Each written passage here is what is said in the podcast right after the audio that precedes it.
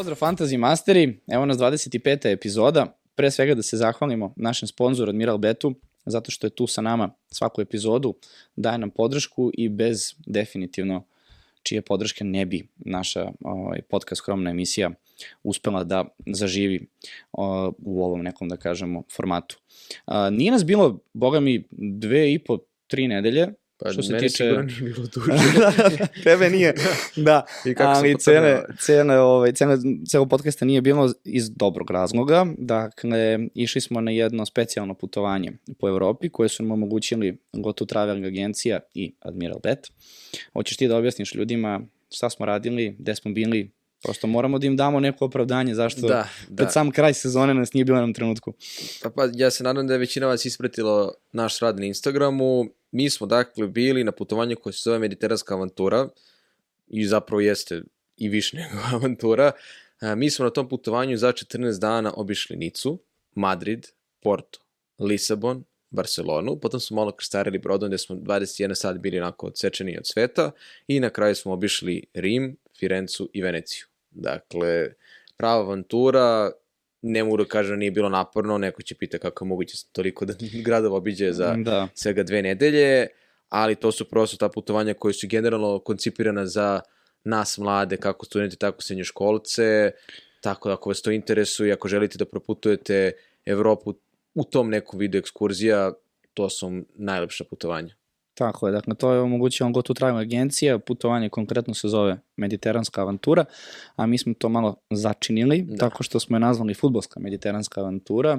I sad sve je lepo što si ti ove gradove nabrojao, ali na sve to dodaj puta dva, tri ovaj, stadiona, odnosno mm, kluba koja smo obišli na tom putovanju, tako da očekujte dosta materijala sa samog putovanja. Već je krenulo i na Instagramu i na TikToku da se kači, Tako, tako, je, da... tako je, da, samo što ja sam primetio, ako mene pitaš, ok, obišli smo Santiago Bernabeu, obišli smo, ne znam, Camp Nou, sve su to veći stadioni popularni, ali nekako su nam dve ekipe, odnosno dva kluba ostala možda nekako um, u srcu sa ovog putovanja, a to su definitivno dve priče o Raju Valjekanu i samom Hetafeu. Tako da ja bi za početak emisije da mi malo ispričamo te dve anegdote o, ta dva kluba ako se slažeš sa mnom jer i ja i ti kada smo bili tamo, ja ne mogu da i verujem, verujem i dalje kako je to situacija jer siguran sam da, da većina ljudi nikad nije čula za tu priču. Da, hoćemo prvo o...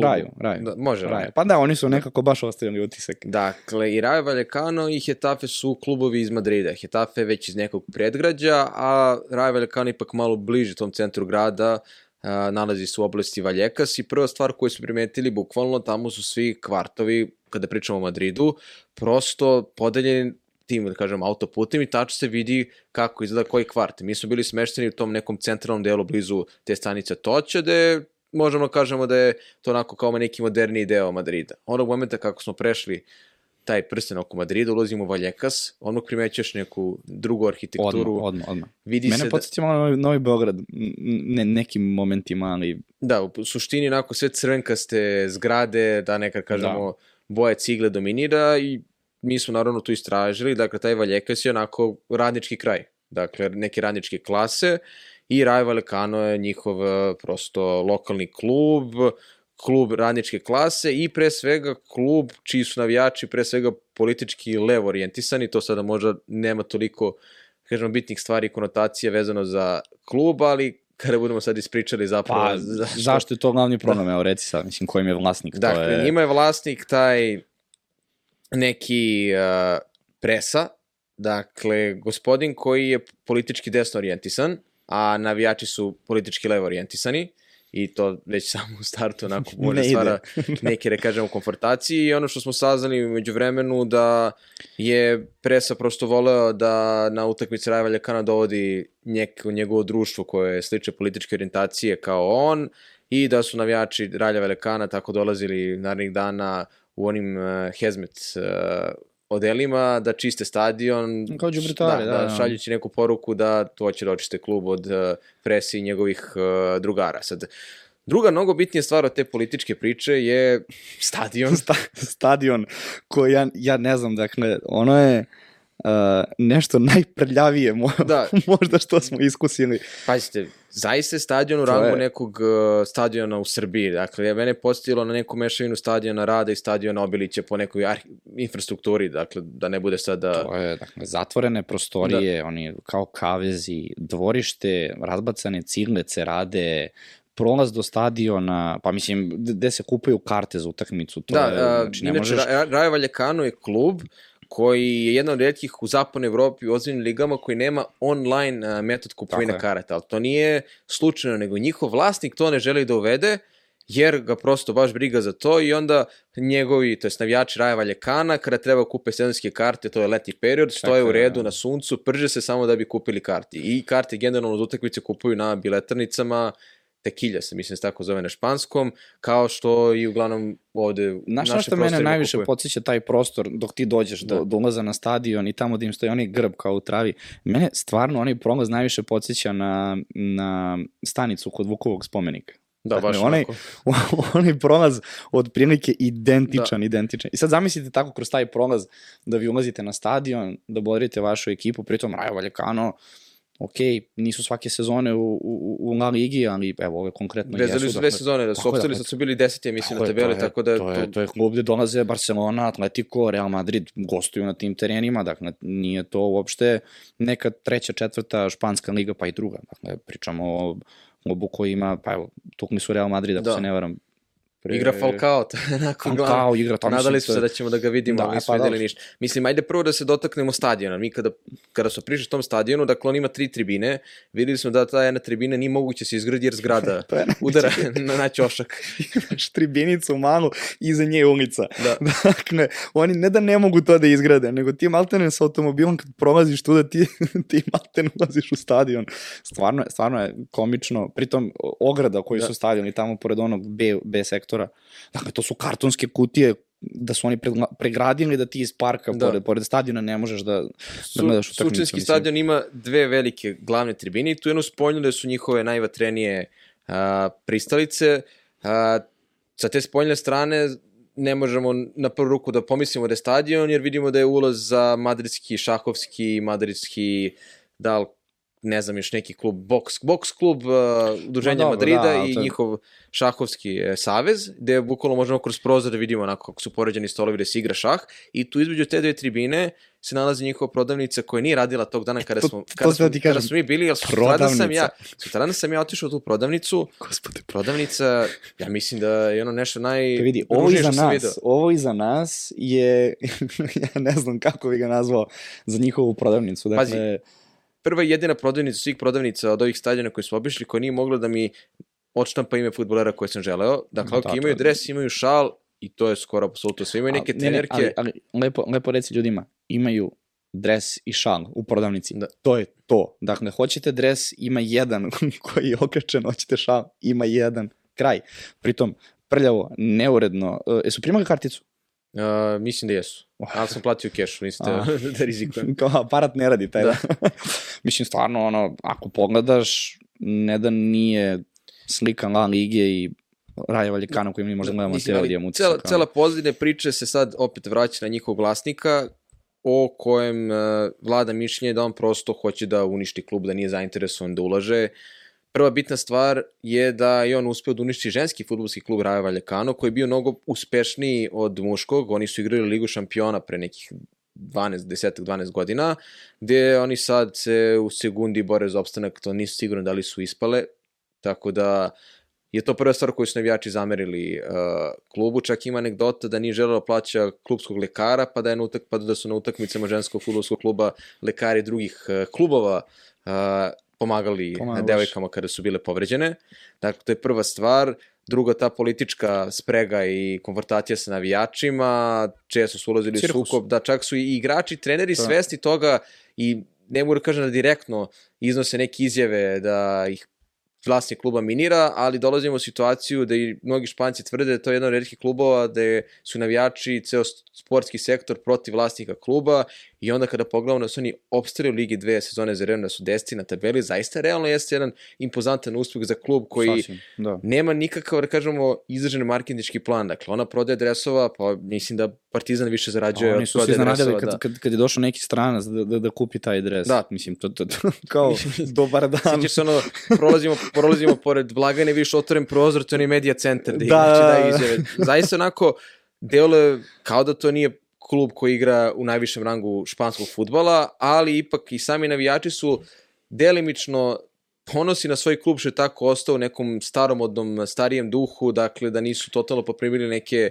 novitete 21. veka, ali da li je to Pa vidi, izdrživao mislim, toliko na- dugo. Znaš kako, ti sad evo ti imaš taj jedan Rayo Vallecano, kao jedan primer, a onda imaš drugi primer Hetafea, situacija gde, evo, mislim, hoćeš ti da kažeš Da. da. se znači to. Re, Relja i ja Da, smo naravno jutro otišli do predgrađa Madrida, do Hetafea, prilazimo njihovom stadionu i vidimo da može se uđe u neki njihov restoran menzu. Simpatična menzica, mogu da se uzmu neki sendviči, tu su ispisana imena nekih njihovih bitnih futbalera, fotografija njihovog tima i samo s desne strane se pojavljaju vrata koje uvode u neki centralni hol. I mi tu ulazimo, nema nikog. A pravo vode vrata direktno na teren. I Relja kaže, Čuka, mogu da uđem na teren, on, okolo mi niko, niko, Uje. nema nikoga, meni glupo da ono, ulazimo nešto na mufte, Da, da. Ja sam pitao ženu, dobar dan, da li ovde postoji tura stadionom? Sobi će kao, ne, to nažalost ne postoji ovde.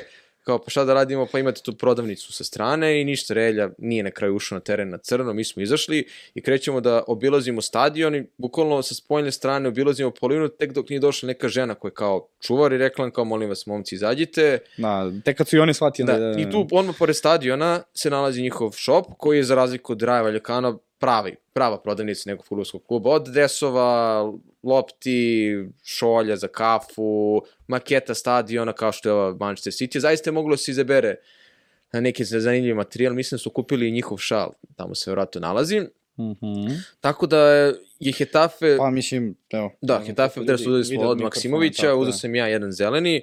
A, još malo smo tu obišli stadion, pošto nismo mogli da priđemo, jer je Hetafe, prvi tim Hetafe imao trening. Trening je bio onako zanimljiv, lep je stadion, nije sad nešto bog zna šta, ali ono što je mene ipak fasciniralo je To, priča koju, na koju smo naletali, a to je njihova kampanja za prodaju sezonskih, sezonskih karata iz 2011. Čekaj, godine. jel mi, mi možemo to? Sad ramišljam sve vreme. Ne, da mora, li- mora, mora, da- mora samo da pazimo reči, kako to izgleda. Dakle, Ajde, molim te, da, zato što... pazite sad ovo. Do sad smo, do 24 epizode smo stvarno bili Da. pristojni, ali... Futbolski klub Hetafe 2011. godine je napravio kampanju za bolju prodaju sezonskih karata, kao što verovatno svaki klubovi rade, gde je ni manje ni više napravio pornografski film. Da, lepo si je rekao, Lepo to mi se sviđa. da. Nije skratio, lepo to se rekao. zvuči onako, čekajte, Dakle, napravio je video materijal video za... materijal filma za odrasle. Tako je, film za odrasle, iz razloga... iz razloga što je hteo na neki šaljiv način da pospeši prodaju sezonskih karata sa nekom tematikom da treba da se napravi što više navijača Hetafea, da se rodi. Ja sam pogledao Kako taj... se trudi da izbegne, znaš, kako ja, se... ja, sam, ja sam pogledao taj, ja sam pogledao taj film do kraja, 11 minuta traje. Nisam, uh, prilike, tematika je Ali o koliko je tom... 11 minuta i 34 sekunde? 11 minuta. On je još je napravljeno u toj nekoj, da kažemo, varijanti kao da je sniman Jao. 70. godina. Ja ne onako. mogu, da. I cela, ceo zapravo sadržaj je bio da se pospeši natalitet navijača Hetafe, da zaista ne ulazimo u detalje. Uh, koga zaista zanima taj film, može se pronađe Na internetu, Na internetu to je može to, se to- pronađe. da, to je na Mislim da internetu, se to nešto je- zove Los Zombies de la Hetafe, ali svakako je kukucate Hetafe i onu reč koju ne smemo da iz... Zapravo kažemo, smemo, ali Hetafe kao... porn, ako ukuca izaći će vam to prvo i vidjet ćete 11 minuta traje, Tako je. tako da je to nešto što je... Ko, je, e, jel pre- preporučuješ, pošto znam da je 11 minuta, da li preporučuješ, šta misliš, neku, neku konkretnu minutu? Da, pazi, nije, nije svih 11 minuta, da, nije, nije, nije, svih 11 minuta u toj radnji, ima, to jest u tim radnjama za odrasle, to jest, ne Da, bitno, da, ali da. svakako jedna zanimljiva priča. I još Miša rekao, da li da spomenemo to, da li da pričamo o to, a ne vredi, kreneš, kreneš i ne, ne možeš to da ne propustiš, da.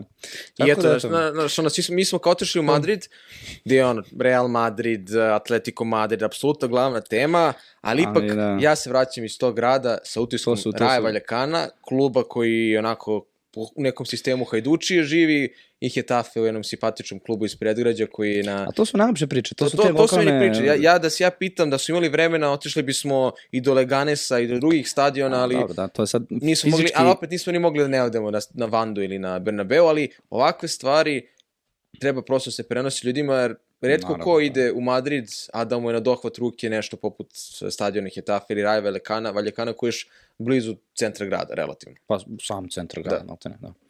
Uh, eto, to, to su bili neki događaji sa, sa našeg putovanja. Ti bilo ih još mi... dosta, ali onako da kažemo i Porto i Sporting i Benfica ipak imaju neku poznatiju tematiku i priče. Ne pričamo o Barceloni. Aha. U Rimu, na primjer, nisu imali tu sreću. Bili smo u Rimu baš onog dana kada je Roma igrala finale Lige šampiona sa Seviljom i otišli smo do Olimpika sa željom da obiđemo i stadion Roma i Lacija, jer jel ti igraju na istom stadionu, Tako ali je nisu mogli da priđemo stadionu jer se tog dana igralo finale, oni su vrati pripremili neki sadržaj, da li gledanje da, utakmice su, na da, stadionu, da. da.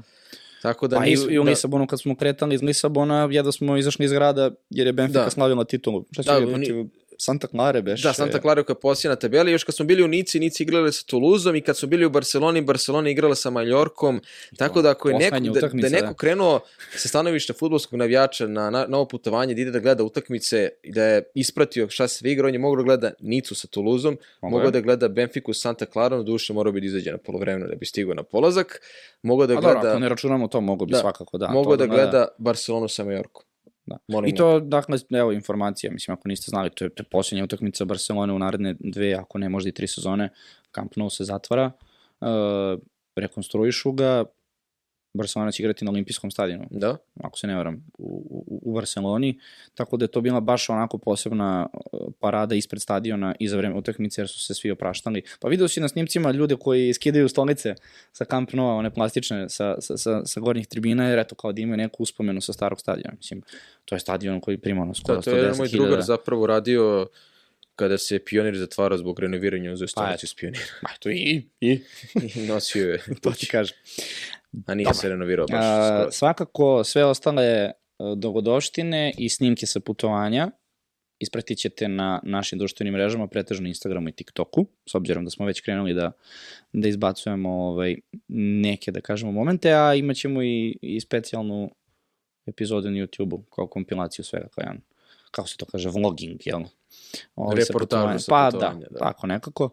Ovaj, tako da ne dužimo više o tome, ja bih da se vratim možda na temu koju smo mi ostali dužni pretežno našim gledalcima, a to je Fantasy Liga, konkretno naša, generalno fantasy i sam završetak sezone. Dakle, e, na našem Instagramu smo objavili pobednike od ove sezone. E, to jest, nisu ostali, nismo zvanično objavili pobednike, šestoricu su najboljih u sezoni, ali to, smo da, objavili sve mesečne i nedeljne tako je, pobednike. Po, pobednici sezone će svakako da. dobiti nagrade u narednom periodu, da. tako čuli smo se sa njima. Naš kolega Fantasy Flash je Pobednik. Osvoji da. I baš sam mu sjavio i rekao, dobro čoveče, mislim, ajde malo da, ono, znaš, ispašće kao da međusobno sad da. delimo neke nagrade, ali nije dobro, mislim, svaka čast ima je brutalnu sezonu. Mm -hmm. uh, ja bih da prođem malo sa tom da popričamo, evo, konkretno rekapitulacija cele sezone. Uh, izvukli smo ovde neke, da kažemo, slike tvoje ekipe. Mi, ako se ne ti si najbolje prošao na kraju. Pa jesam, mislim, da. Od nas iz ekipe, da, najbolje. Ja mislim da, da si ti definitivno najbolje prošao. Ja, na primer, evo odmah da se ogradim, s obzirom da će sigurno biti odmah prvi neki komentar, a koji je tvoj rang bio? Ovaj, posljednje 3-4 nedelje, dok smo mi bili na putu, ja sam od četiri nedelje tri puta zaborio da, da, da promenim ekipe. I to, I to mi se desi kao stavim reminder. Kako, stavim, kako će napiši ono početnička greška? Kao. Ne, ne, ali to, to je strašno. Dakle, meni je ostao ono, Greenlish u ekipi cijel ovaj period dok nije igrao, da, dok je bio na klupi. Mislim, još tako neki glupi potezi. I na kraju, kad, se, kad mi se to desilo, tri naredna kola, dok su bili na putovanju, sam rekao, ej, ajde, no, kao, kraj je gotovo, ništa mi sad ne znači da, da se jurcam. Ali sam baš drugi deo sezone ozbiljno pao. Baš, baš. Ove, ovaj, tako da nisam nešto zadovoljan ovom sezonom na kraju jer me popustila koncentracija, ali dobro. Ovaj, tako da je taj nova sezona nova šansa, ali zato tebe analiziramo s obzirom da braniš ne, braniš obraz Fantasy Mastera.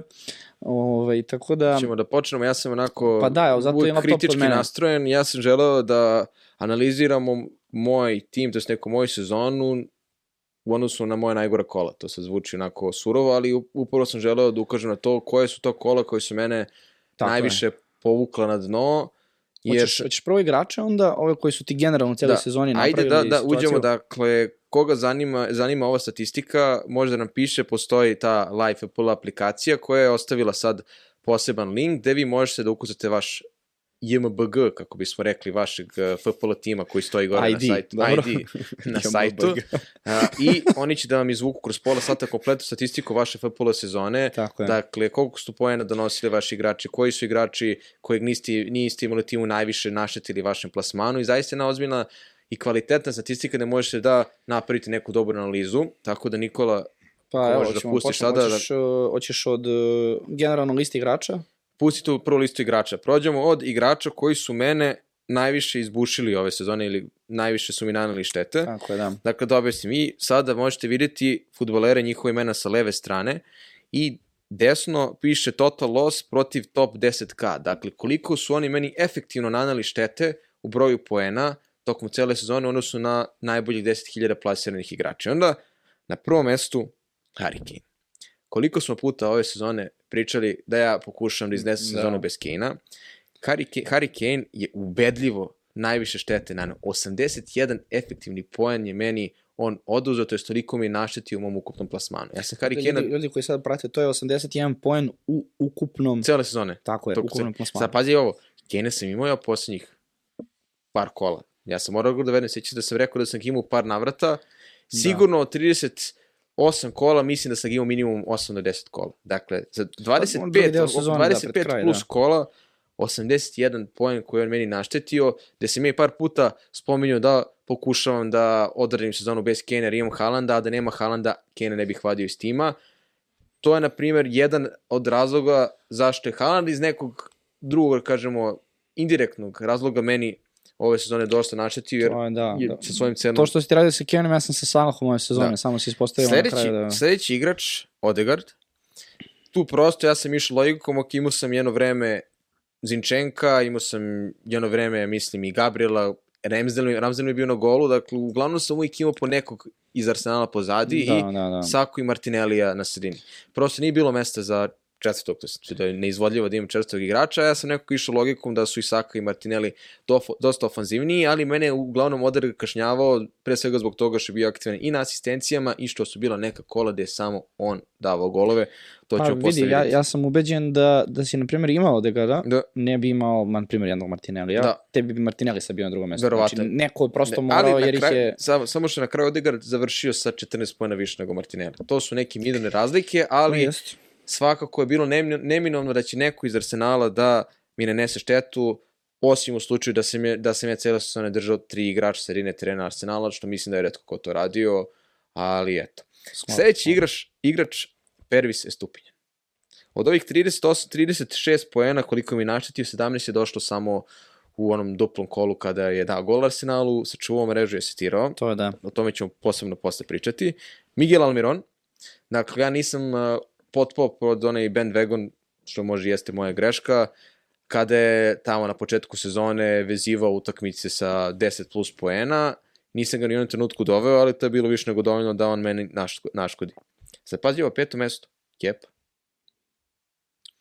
Chelsea Da. kakav god da je bio, imao je u tom nekom periodu nakon ove godine utakmice gde je sačuvao mrežu i Kepa bi uvijek bio bonus i uvijek imao uh, odbranjene, to jest ono, saves, sačuvane lopte da bi dobio na sveke tri Ali, odbrane. ali evo šta je sad interesantno tu, dakle, očigledno je da je u 10k Kepa bio dosta popularan Mhm. samim tim, jer, ok, ako ga nisi imao, ali su ga ostali, pa ako kažeš prvih 10.000 imali, to je ozbiljan znak.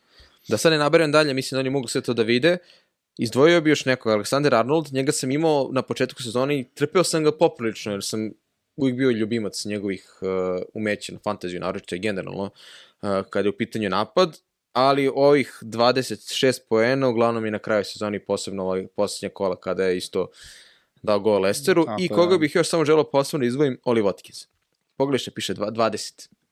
Od tih 20, on je mene u jednom kolu sa 17 pojena kaznio. To mi ću isto da pričam. Dakle, 17 pojena samo u jednom kolu, ali ajde da sačuvam tu priču za to jer je to tek posebna tema. Dakle, ovo su neki igrači koji su meni najviše štete naneli ove sezone. Da, pa svako od vas, svako od da, vas to može da pogleda ovu statistiku i da ukuca taj vaš ID i napravi, izaći ćemo isto ovako samo za vaš tim. Moj savjet je da to uradite, prosto da vidite kako je izgledala vaša sezona sa tih nekih statističkih parametara.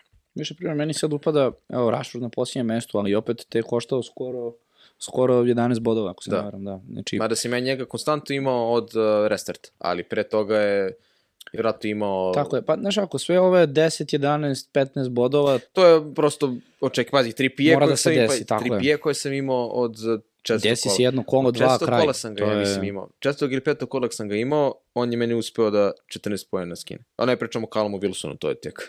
Pa ne, ja, bi, ja mislim da ti možeš da se zaustaviš na, na prvih pet kao definitivno neki loši izbor, odnosno to što ih nisi imao. Dakle, Kane, Odegaard, Stupinjan, Almiron, Kepa, ajde po bodovima, Kevin De Bruyne malo pada, tu već, ali eto... Pazi, uzmeš imao sam i njih De. Bruyne, ali A dovoljno No, da mislim, ima dve asistencije, nešto, znaš, to je... svaki tim i oni koji je bio najbolji na svetu će imati u tabeli igrače koji su ga najviše, koji su najviše Naravno, skinuli, ali ali pogledaj, tebi Kane je Kane je baš uzeo- onako oskače, baš onako bode oči. Apsolutno, dakle, uzo ti je više nego i Odegaard i Stupinjan zajedno. Srećom pa će sad da Ako napusti. Tottenham, tako da... I Da, ali mi, to ćemo, je sad, o tom potom. je- jedva čekam te naredne epizode kad pričamo samo o transferima. U, kako će to biti, da mi date jednu kafu? Ajmo, ajmo da pređemo, ajmo da pređemo na Srk. pet Polako. mojih najgorih kola za početak. Hoćeš najgore kola? Da, najgore kola uvek pa ćemo posle ta moje najbolje. Uglavnom sam dobro kola imao kada sam čipove aktivirao, to su mi Ako se bile ne varam, najbolje. to je, počinjemo Od- od 14. 14. Da, tako je, 14. da. kolo, moje peto najlošije kolo. Zašto radimo analizu ovoga? Jer nekako mislim da svako nas najbolje može napraviti ako izvuče neke povuke iz svojih grešaka. Dakle, 14. kolo, u tom kolu sam imao 57 poena, a ti može vidiš, dakle, u tom timu, Pratim, pratim, da. vidiš koliko igrača na kraju nije ni izvršilo sezonu ili su bili povređeni. Meni, su, meni je poene donao Salah, Trippier i koliko ja vidim odavde Cancelo. To je bio početak tri kola u nizu, dakle 14. 15. 16. kolo, koji su meni dodatno otežali odlazak na pauzu pre svetsko prvenstvo. Dakle, tri crvene strelice u nizu, naravno glavni gospodin koji kumovo je bio Almiron, kojeg nisam imao, koji u tom kolu donosi 12 poena protiv Aston Ville, dakle, poprilično mi šteti, ja mislim da je već tad imao ozbiljno visok uh, effective ownership. Uh, tu treba još izdvojim dva razloga, De Bruyne i Odegaard, dakle, ponovo spominjem igrače koji su bili tu pri vrhu, onih uh, koji su mi najviše poena oduzeli, gde je De Bruyne, kako se ja sećam, zakucao golčinu sa 30 metara Lesteru uh, u gostima, ako je to ta utakmica, a Odegaard uh, je takođe dao gol, da, Arsenal je razbio Nottingham sa 5-0 u tom kolu. Šta se dešava? Imam Sako i Martinellija. Meč počinje idealno. Saka asist, asistira Martinelliju za gol. Šta se dešava? Saka se povredi, izlazi. Ulazi Rhys Nelson. Šta je epilog? Nelson 19 poena. Ne znam da li se sećaš tog kola. 5-0 5-0 pobeđen Nottingham. Učestvovao je Odegaard u poenima, bio je dvocifren, Martinelli je dao gol, na tome se zaustavio, dakle kad dodamo njega De Bruyne i Almirona i ostatak moje ekipe koji uglavnom nije doneo poene, 57 poena i poprilično mi trpi rank. I to je početak mog pada pred pauzu pred svetsko prvenstvo. Ćemo na sledeće kolo, Pa, hajde. To ako se ne varam, 16. kolo. mi trebalo da budeš, jest, 16, to ti je okolo. Dakle, to je to, imamo 14. pa 16. kolo, to je posljednje kolo pred restart. Dakle, već dve crvene strelice vezujem, što je poprilično onako iritantno i treba da se ode na pauzu sa nekim valjda kao pozitivnim skorom. Šta se tu dešava? Brentford pobeđuje Manchester City, ako se sećaš te utakmice, gde ja, ja u da. timu imam dakle i- Haalanda kapitena i De Bruyne i Cancela. To je bila posljednja utakmica Cancela u, mislim, dresu Manchester City-a. A, ostatak ekipe Zaha, koji je onako generalno polarizovao FPL, dakle, ili ti donese 15 pojena ili ode u minus 10, promašuje penal, donosi pozitivnu nulu. Martinelli je bio jedina pozitivna tačka, tu je dao gol, pazi, imao sam tada Wilsona, ali to je utakmici igrao 14 minuta, no očigledno kada ga ja nemam, donosi mnogo poena, Andres Perira ništa i Trippier i Pop clean sheet, dakle, 34 poena samo za to kolo. Dakle, jedan ozbiljan, da kažemo, udarac gde ja sa 700.000 tog nekog svetskog plasmana padam na milion i 200.000. Dakle, skoro punih 500.000 sam tu pao. Tako da je to isto posljednje kolo pred pauzu gde treba da uhvatim neki kao zamak za bolji nastavak sezone, ja padam na milion i 200.000 to mesto i onda ide svetsko prvenstvo, pa se mi isto kao resetujemo, ali eto to kolo, promašen penal uh, za He, od Manchester City-a ništa, Martinelli je uh, tu doneo 9 poena, ali je to otprilike bilo to, koliko ja vidim ovde. Da, Leeds je uspeo da ponovo primi dosta golova Tottenhama i Kane je tu, ja mislim, doprineo sa 11 poena. 11 poena, da. Ćemo dalje? Idemo sledeće kolo, 31. kolo. Tako je. Samo da vidim šta se tu beše desilo. A, e, sad ide ona posebna priča. Ja do 31. kola imam Watkinsa u timu.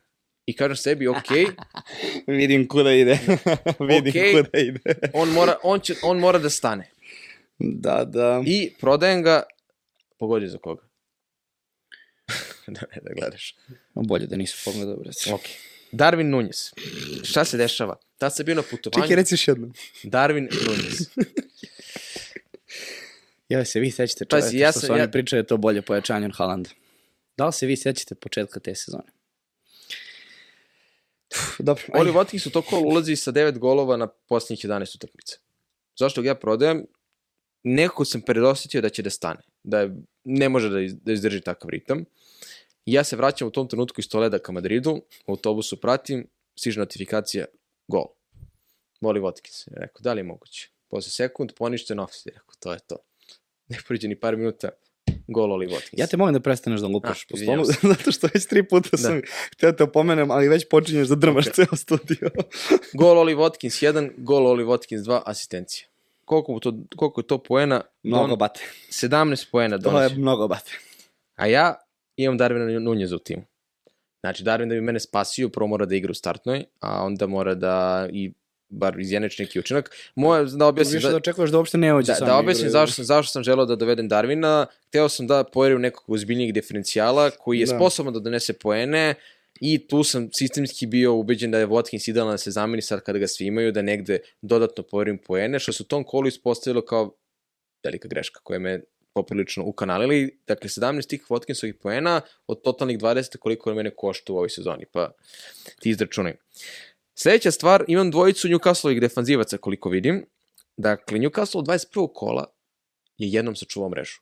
A ja sve vreme držim i Botmana i Trippiera, jer nekako mi se sve vreme napred u na sredini i, i u napadu transferi dešavaju, tu se fokusiram i držim njih dvojicu verujući, ok, Newcastle ima dobru, dobar prvi Mhm. deo sezone, sačuvat će defanzivno nešto, ali jedan clean sheet je zaista mršavo da je mene onako i Trippier i Botman poprilično košteri i Trippier u tom trenutku ne donosi poena koliko je donosio u prvom delu sezone. Onda Tottenham kod kuće gubi od Bormuta 2-3, ja imam Kane-a, Kane ništa nije, mislim, uradio, da. Dakle, jedno od redkih kola da Kane nije donao ni jedan poen, on meni tu stoji u timu. Zatim, uh, Liverpool, znači ponovo lice mene koša, Liverpool koji razbija lice, mislim 1-5, 1-6 u gostima, Salah, uh, mislim da je tu donao dosta poena i Trent Alexander Arnold isto imao neki učinak, ja ih nemam u tom trenutku, oni nemaju neki preterano vi, visok effective ownership, ali opet su poprilično naneli Ali štete. definitivno se ispostavimo da ko je držao Arnolda zapravo tokom cele sezone nije na kraju toliko loše prošao. Koliko I koga ga je mi- držao na početku i na kraju. To je koga je držao na, na kraju sezone. Slažem na početku isto ali na bilo... kraju, na kraju sasvim, sa- sasvim solidna sezona za njega. Ispod Da. očekivanja kako on može, ali Dakle, ovo 31. kola, da, da samo da završim još, Saka promašuje penal protiv West. Nula. u, da, to je jedna Nula. prekrednica sezone, definitivno za Znači, titulu. jedina dobra stvar u tom kolu, kad pogledaš, imao sam 48 poena, je Haaland koji je odradio svoj deo posla, 24 poena doneo. Darwin Nunez ulazi, na kraju daje gol, 5 poena, onako čisto malo da me raspoloži. 48 poena, u tom kolu ja sam bio, pre tog kola 72.000 je bio moj plasman na svetskom uh, nivou. Padam, udaram u zid, padam po, iznad, ispod uh, 100.000. Dakle, moj trenutno naj, najbolji plasman te sezone, ja prodajem Watkins. Šta se dešava posle tog kola? Watkins od tog trenutka ulazi u seriju utakmice bez postignutog gola do posljednje kola. Da sam sačekao još jedno kolo sam, da sam tada dobio taj ljudi, E. će pričalo bi se o nekoj mojoj dobroj odluci, to jest polovično dobroj odluci, jer mi izmena nije bila dobra. To jest nije mi bio igrač od kojeg sam rešio da zamenim za Watkinsa, nisam pogodio, ali sam osetio da Watkins će da prestane sa tom serijom golova, samo sam poradio jedno kolo i to baš ono najfatalnije. To mene podsjeća na to mene podsjeća na moment kad sam ja stavio u jednom kolu Bujana sa kapitena. Beuma, Jer sam, da. rekao, da, sam rekao sebi, ne, ne, verujem u čoveka, to ima je duplo kolo. Ove, razmišljao sam da li njega ili Kane. To je ono kad sam bre slao u grupu da mi je ostao kapitan na Kane-u i da sam prebacio na Buena i da nije htelo da je aplikacija Da. da. I vratio sam se i Kane i dalje stoji kao kapitan. Ja kao, da li je ovo znak čoveče? Da li je ovo neki znak? I? I prebacim na Buena, kao rekao, ne, ne, idemo, idemo srcem i čovjek je ono, skupio dva pojena. Nije, četiri. O, ali da, to, me, to je, na primjer, mene baš skupo koštalo. Ah, sad će To vi me šta mene, šta, sa tvojim sad kad sad skupo skošali, idemo na, To je- kako sam ja to to je nazvao, na- knockout. Moj apsolutni to- knockout, to je 36 kolo, 70 poena. Tako da. Posljednje duplo kolo, to jest nije posljednje duplo kolo, Sad ali... ti pitaju kako 70 pojena, totalni knockout, malo je to... Dakle, nije nije bilo posljednje duplo kolo, ja mislim da je 37 bilo, dakle u trenutku kada sam ponovo ušao u, stop, u top 100.000, dakle posle onog haosa iz tog 31. kola, morao sam ponovo da se izločim, ulazim ponovo u top 100.000 i dolazi duplo kolo gde imamo Newcastle sa dve utakmice, imamo Brighton sa dve utakmice. Isak Wilson, Isak Wilson, Isak Wilson, Isak Wilson. Ja, sam, ja već imam i Botmana i Tripija, dakle to je već taj koncepcijski problem da imam dvojicu pozadi. Dakle, ja da bi doveo i Wilsona Isaka, ja mora da prodam Botmana, to je već jedan transfer, jer mora još dva napadača da prodam, a ako nemam dva besplatna transfera, već ulazim u minus 8. Ja nekako nisam bio ljubitelj odlaska a, u te minuse, ali ove sezone, na primjer, sam dva puta otišao u minus 4, minus, jedno u minus 8, jedno u minus 4, ovog puta sam imao zelenu strelicu. Dakle, ima možda poente i logike da sam ja to tada uradio, možda i Botmana mogu da zamenim u neku bilo koga igrača i da Wilsona ubacim, sad bi vjerojatno pričali o mom mnogo boljem plasmanu. Ali, ja biram Isaka umesto Wilsona, sve vreme imajući u glavi Wilsonov zdravstveni bilans. Dakle, ja nekako nikad nisam mogao sebe da ubedim, a imam Nunez u timu koji isto relativno sklon bio povredama ove sezone, ali Wilson mi nikako nije mogao da ulije poverenje, jer se samo plašio da ga vidim u trenutku da se drži za zadnju ložu. Dakle, uglavnom ga je to mučilo tokom ovih sezona, ali je zaista bio u neverovatnoj formi. Broj minuta, broj postignutih golova, kako se oporavio. Dakle, sa te neke statističke strane, zaista Wilson dobio tu prenos, plus kada su oni Isak delili minute, Wilson je centralnije napadao protivnički gol. Ja rekao, ok, ide Isak, jer će Isak imati i veći effective ownership i mnogo će mi više naškoditi ako ima Wilsona. Isak je bio na nekih 142% effective ownership, Wilson na nešto iznad 50. Počinje utakmica sa licom, penal. Prvo, te duše, prvo, prvo, nju, prvo Newcastle prima gol i ono u startu mi puca clean sheet i 3 pija i Botmana, to ajde priča za Da. sebe. Penal iznudio, iznudio ga Isak, ali Wilson izvodi. On je penalđi, daje gol. Drugo polovreme, novi penal za Newcastle, to ona ruka, 2-0 za Newcastle, ponovo Wilson. Dakle, već u startu pravi veliku razliku sa solidnim effective ownershipom i pravi ozbiljan problem. Naravno, utakmica gostuje njima Brighton, 1-4-1 su dobili, sve do kraja nema pojena ni Wilsona ni Isaka i samo jednom puca kontra Wilson daje gol, posle izvođenja lopte, nije prošlo 2 minuta, kontra Wilson dodaje loptu asistencija. Epilog Wilson završava sa 24 poena. Isak završava sa, koliko je beš imao poena, sad ću da ti kažem, ako sam imao, imao je 7 poena. Velika razlika. Ali to nije bio kraj tog kola koji je totalno bilo kaotično. Dakle, zapamti Wilsonovih 24. Sljedeći tim koji analiziramo Brighton. Samo što to je bitno i reći da ako se sećaš na samom kraju sezone, nekako delo je da su Wilson, odnosno da je ekipa Newcastle odlučila pobednika Fantasy Ligi. Jer si imao priču sa Trippijevom, ali prvenstveno razlika su bile Wilson i Da. Izak između prvog i drugog u Fantasy Ligi, Da. ako se ne varam. I na kraju smo pratili do kraja da vidimo ko će koliko bodova uzeti, ali na kraju se ispostavio. pazi ovo, Brighton isto ima duplo kolo, dakle to, u tom kolu Brighton i Newcastle imaju duplo kolo, su igrali međusobno u drugoj utakmici. Prva utakmica Brighton gostuje Arsenal. Ja imam Martinellija, imam Danka, Da. imam i Tomu, imam McAllister. Počinje utakmica, povredi se Martinelli. To je do, baš ga je neko pokosio, da li kaj sedo, baš, baš mu lepo nakušao. Da, U nogu lepo ga povredio. Mislim da je sada bio, da. i stupinjem dobije žuti, ja imam Danka, što mi ne odgovara da ono, dobio clean sheet, taman ako je stupinjan dobio žuti, ako bude neka 0-0, vrlo moguće da Danka možemo vidimo u bonusu. Na kraju se završava utakmica gde Brighton pobeđuje Arsenal, gde Stupinjan asistira Encisu i gde Stupinjan daje gol. Na kraju je bile 3-0 za Brighton, gde je Stupinjan završava utakmicu sa skoro 17 poena. To je ta razlika koju ti on ima jedino. Da, dakle, imamo Wilsonovih 24, imamo i Stupinjanovih 17. Ja nemam nijednog od njih. A Mitoma, McAllister, Badank, Sve zajedno šest pojena. Sledeći, sledeći tim koji me isto, to jest igrač koji me onako poprilično nakazio, utakmica Leicester Liverpool. Hvala Bogu imam Salaha, pa je Salah sa dve asistencije, onako kao neki malo relativno blag diferencijal donao nešto, ali Trent Alexander-Arnold kojeg nemam, jer, jer, jer eto, držim dvojicu iz Newcastle-a.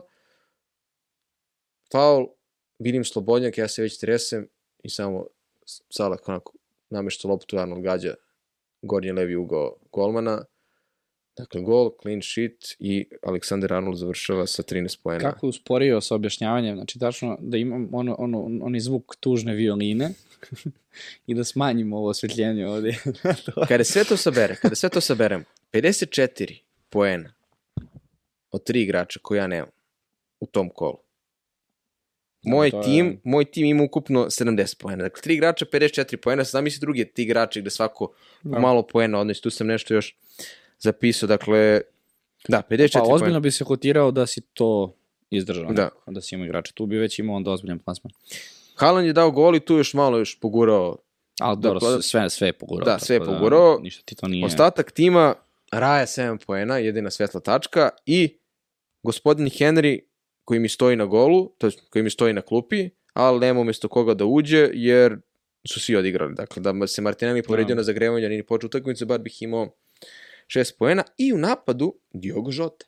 Dakle, nakon toga što sam pogrešio sa Nunjezom, rekao sam, ok, Žota odigrao neke dobre utakmice i jedan, mislim da sam to, ako baš prevideo, nešto ga ponovo mučila povreda, ja sam rekao, ok, ajde da, da izvučem nešto, Nunjez neće igrati još sigurno neko vreme, jer je on totalno uh, potpuno drugi plan, ajde Žota, on onako može na brzinu da uredi nešto, dobija par minuta nakon na kaščicu. Kaže ono, ćorava koka neko zrno ubode. I sad kažem, epilog 70 poena, za neko obično kolo to je bilo onako više nego prosječan rezultat, a ja padam na 198k. Dakle, moj rang se skoro Duplo. duplirao, što To je za pričam. tako visok plasman poprilično dosta, gde je sve što je moglo da krene po zlu, svi igrači koji su ili bili relevantni za fantasy da ja nisam imao su mene maksimalno onako izgazili.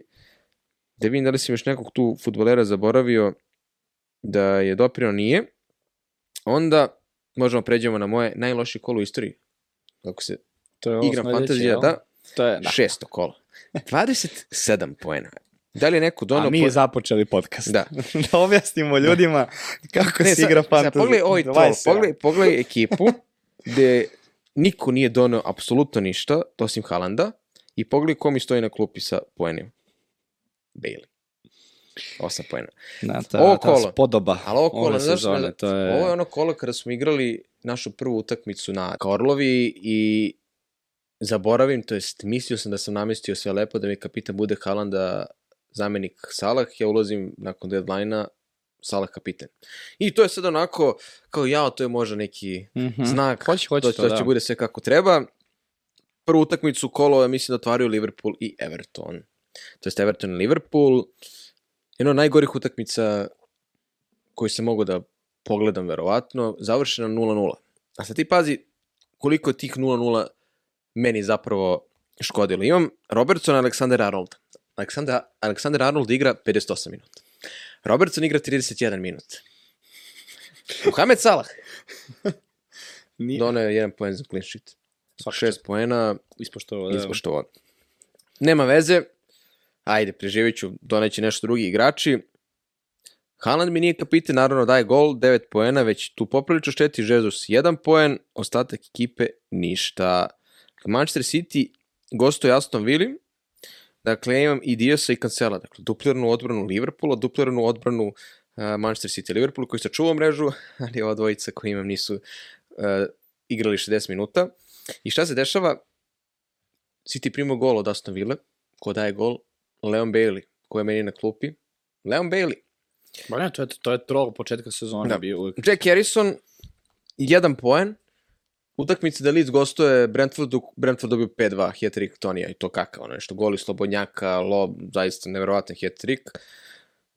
27 poena i onda ja pogledam posle statistiku, igrač koji mi najviše zapravo štetio mom plasmanu je bio 3 PS 8 poena. A ja sam imao 27 poena i ja sam u tom trenutku pao sad ću ti kažem, sa 800.000 mesta na milion i 800.000 mesto. Se to desilo nekad? Ne. Moj game week rank, dakle taj plasman samo za to kolo, 9 milioniti 823 hiljaditi. A 9 miliona 824 hiljada igrača. Dakle, ne daj Bože, Pakao, da, ne daj da, Bože, pakao, ali je tu pakao. fascinantno da je mene, da je igrač koji mi najviše naštetio plasmanu 3 PS 8 poena. Šta to znači? Dakle, meni apsolutno nik, nije donao poene sa 27 poena i da su svi ostali pomalo donosili poene. Mislim da niko nije u tom kolu od nekih drugih igrača koji su imali visok effective ownership, da su Da, previše da, da. izdominirali, ali prosto je nemoguće kad imaš 27 poena da očekuješ bilo šta. Šesto kolo, ja mislim da već u osmom radim wild card i tu već, iće, i već ide na bolje, ali 27 poena ovo se meni nije desilo. Dakle, da je Aleksandar Arnold ostao 3 minuta ili da je Robertson bio u startnoj postavi, već smo pričali o nekih solidnih 35-40 poena, mada je to loše. Da Beli nije dao gol, možda bih imao i zelenu strelicu i na kraju da sam proverio ponovo da mi je Haaland kapitan, a ne Salah. Pričali bi smo o nekim drugim Može, stvarima. Da. Ali ajde da ne bude sve tako crno.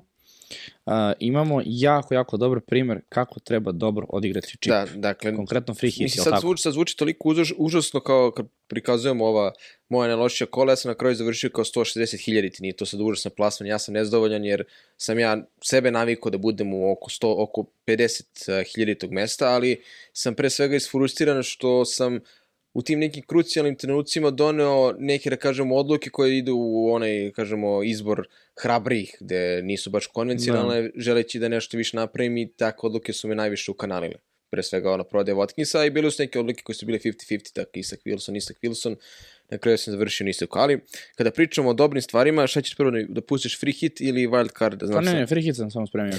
Dakle, free hit, To je definitivno kako dobro odigrati čip. ja sam stalno spominjao u podcastu, ako se sećaš, da ću ja free hit da sačuvam za 34. kolo i da ga neću iskoristiti tipa za neko dal prazno 32. ili da se ne mogu više setim. Bilo neko prazno kolo pre toga, gde se uglavnom masovno iskorišćavao free hit, gde sam ja prosto napravio taktiku da mogu da imam solidan broj igrača za to prazno kolo i da prosto mogu da iskoristim free hit za jedno kvalitetno duplo kolo, gde sam imao jednu spreman jedan ozbiljan draft. Dakle, Haaland, Darwin Nunez, dobro. Marez, Salah, March, Rashford, Bruno Fernandes, Alexander Arnold, Lindelof, Diaz i Steele. Lindelofa sam imao jer nisam imao dovoljno novca za uh, Shaw, a na kraju se ispostavilo kao super sa 8 poena. Dakle, to kolo, uh, Salah donosi 18 poena, zaista odličan učinak, a nije bio, nije imao toliko visoko effective ownership. Alexander Arnold, 11 poena, naravno Bruno Fernandes, on mi je to bio glavna uzdanica u tom kolu, jer prosto i prošle sezone me nagradio kada sam ga doveo za neko bitno duplo kolo, dakle ispoštovali su uglavnom svi oni igrači koje sam striktno doveo samo za free hit, koje nisam imao većinski možda u tom delu sezone, stil na golu, dakle mi ovde pričamo o Brightonu koji je vezao dva clean sheeta, dakle to je mislim eh, tipa savladao Manchester United 1-0 na jednoj utakmici, a na drugoj utakmici to mora da se setim, da li je tu dobio Wolves tipa 6-0 ono, kod kuće, ali svakako dva clean sheeta za stila, jakih 15 poena, jedan clean sheet za odbranu Manchester Uniteda, Bruno Fernandes odličan i 132 poena na free hitu. I da pohvalim naravno Mareza, koji mi je bio tu najjači mogući diferencijal, mislim da imao više od 5% effective ownershipa, sa dve asistencije 11 poena, to ne više bodova nego Grilish i De Bruyne koji su isto bili tu u nekom, da kažemo, ranku. Haaland je morao prosto bude tu kapiten, 32 poena, prosto je bilo očekivano da će on najviše poena da donese, ali sa, to, sa 132 poena, uh, 97.000 uh, učinak u tom kolu i to 34. kolo me ponovo ubacilo 100.000 i to je otprilike bio kraj moje sezone da je posle bilo nizbrdica zbog 36. kola da sam ja uspio nekako da stabilizujem da završim negde tu na oko 160.000 to mesto. Ali svakako sam cele se, ceo drugi, ceo, ceo drugi deo sezone tempirao to 34. kolo da iskoristim free hit kada većina neće to koristiti i to je zapravo bio pun pogodak. Lepo, da. To si stvarno više puta u podcastu rekao. Evo, ja mogu da potvrdim, ali i svi koji Da, nas čak prate. sam i bench boost uh, aktivirao u koje je to bilo kolo uh, i donao, tri, uh, donao 139 poena. Tako da je to vratno bilo 29. kolo. Sad ću ti kažem, sad imam zapisano sve. Dakle, bench boost dao 29. kolu 139 poena, tako da sam oba ta najjača čipa pogodio, uglavnom triple captain bude prosječan ili ne pogodim, jer idem onako maksimalno sigurno Da. da, da neku najrealniju opciju. Eto, to je neka kraća analiza sezone. Ako me pitaš za čim najviše žalim, žalim za time što nisam Kenny imao startu. To jest imao sam ga u prvom kolu, nisam imao Haalanda, jedno sam ga prodao, ja sam se Odmah, iznervirao tako je, i onda je da. Kane u narednom kolu donao više pojena kad je dao gol Chelsea u zadnjim minutima nego Haaland koji igrao sa Bournemouthom kod kuće. Žao mi je što na dilemi Isak Wilson nisam hrabri ušao sa Wilsonom da bi jurio plasman, da mi Wilson bio tu, bio mi kapitan za, čet- za 48 pojena, sigurno ne bih imao crvenu strelicu. Žao mi je što Watkinsa nisam prodao jedno kolo kasnije, dakle ta prodaja kasnije, Wilson umjesto Isaka Kane većim, već, većim delom sezone i ovo da kažemo ono, kobno duplo kolo, da nemam nije Stupinjana, ni Aleksander Arnolda, a, ni Wilsona, to je taj da već Wilsona Da, da, da. Spomenuo. Aleksander Arnold i Stupinjana teško da sam mogao da imam, dakle sad ne mogu da kažem, e, mogao sam sve njih da imam Aleksander Arnold naročito zbog cene, jer sam nekako koncepcijski išao sa malo jeftinijom odbranom, a i Stupinjana sam blokirao sa Dankom, verujući da Dank može bude diferencijal koji će da makar izjenači pojene Stupinjana. Danka sam imao dobar deo sezone. Dank je dao gol u onom kolu, to je dao Tottenhamu gol glavom, kada je meni bio na klupi. Loš izbor, loša I sreća, Bailey, kombinacija ko- svega. Da, početak sezone je ono i diferencijal Bailey kad je na klupi, da ne se Mi smo ga hajpovali, mnogo Da. dobra cena. Pedro Neto mi je bio isto uh, u Hmm. timu, većinski su ga dosta Da, njih imali, pa je na kraju završio sezonu sa svega dve asistencije. Tako je, da. Mitrovića sam imao kada nije trebalo, on je imao neke utakmice da je isto bio dvocifren. Nešto, kada ovako sve iznesem, ispada kao da sam u 7 miliona, na kraju sa plasmanom 160.000, dakle, ipak je bilo i nekih dobrih odluka. Dakle, ajde, to je malo pričam. dobro, da, dakle, vidi. Martinelli mi je bio najviše ove sezone tu. Kad su ga ljudi prodavali iz Odegarda, on je tu imao onih par utakmica, zaista bio dvocifren. Tu je, ti sad ako Da. gledaš to tako unazad, mislim, ti tu možeš da pronađeš sedam igrača koje bi generalno menjao za neke druge. Mislim, ne, ne, nemoguće da, da, Da. da, Ali nekako to izvedeš, najviše, najviše ali to što mislim si da, da, izdvojio, da. da, e, apsolutno, kao što statistika kaže, Kane. I ono što je, ja bih skrenuo pažnju, možda glavni utisak, meni makar, ove sezone, da je defini, definitivno se ispostavilo da je bilo potrebno igrati sa uh, tri napadača.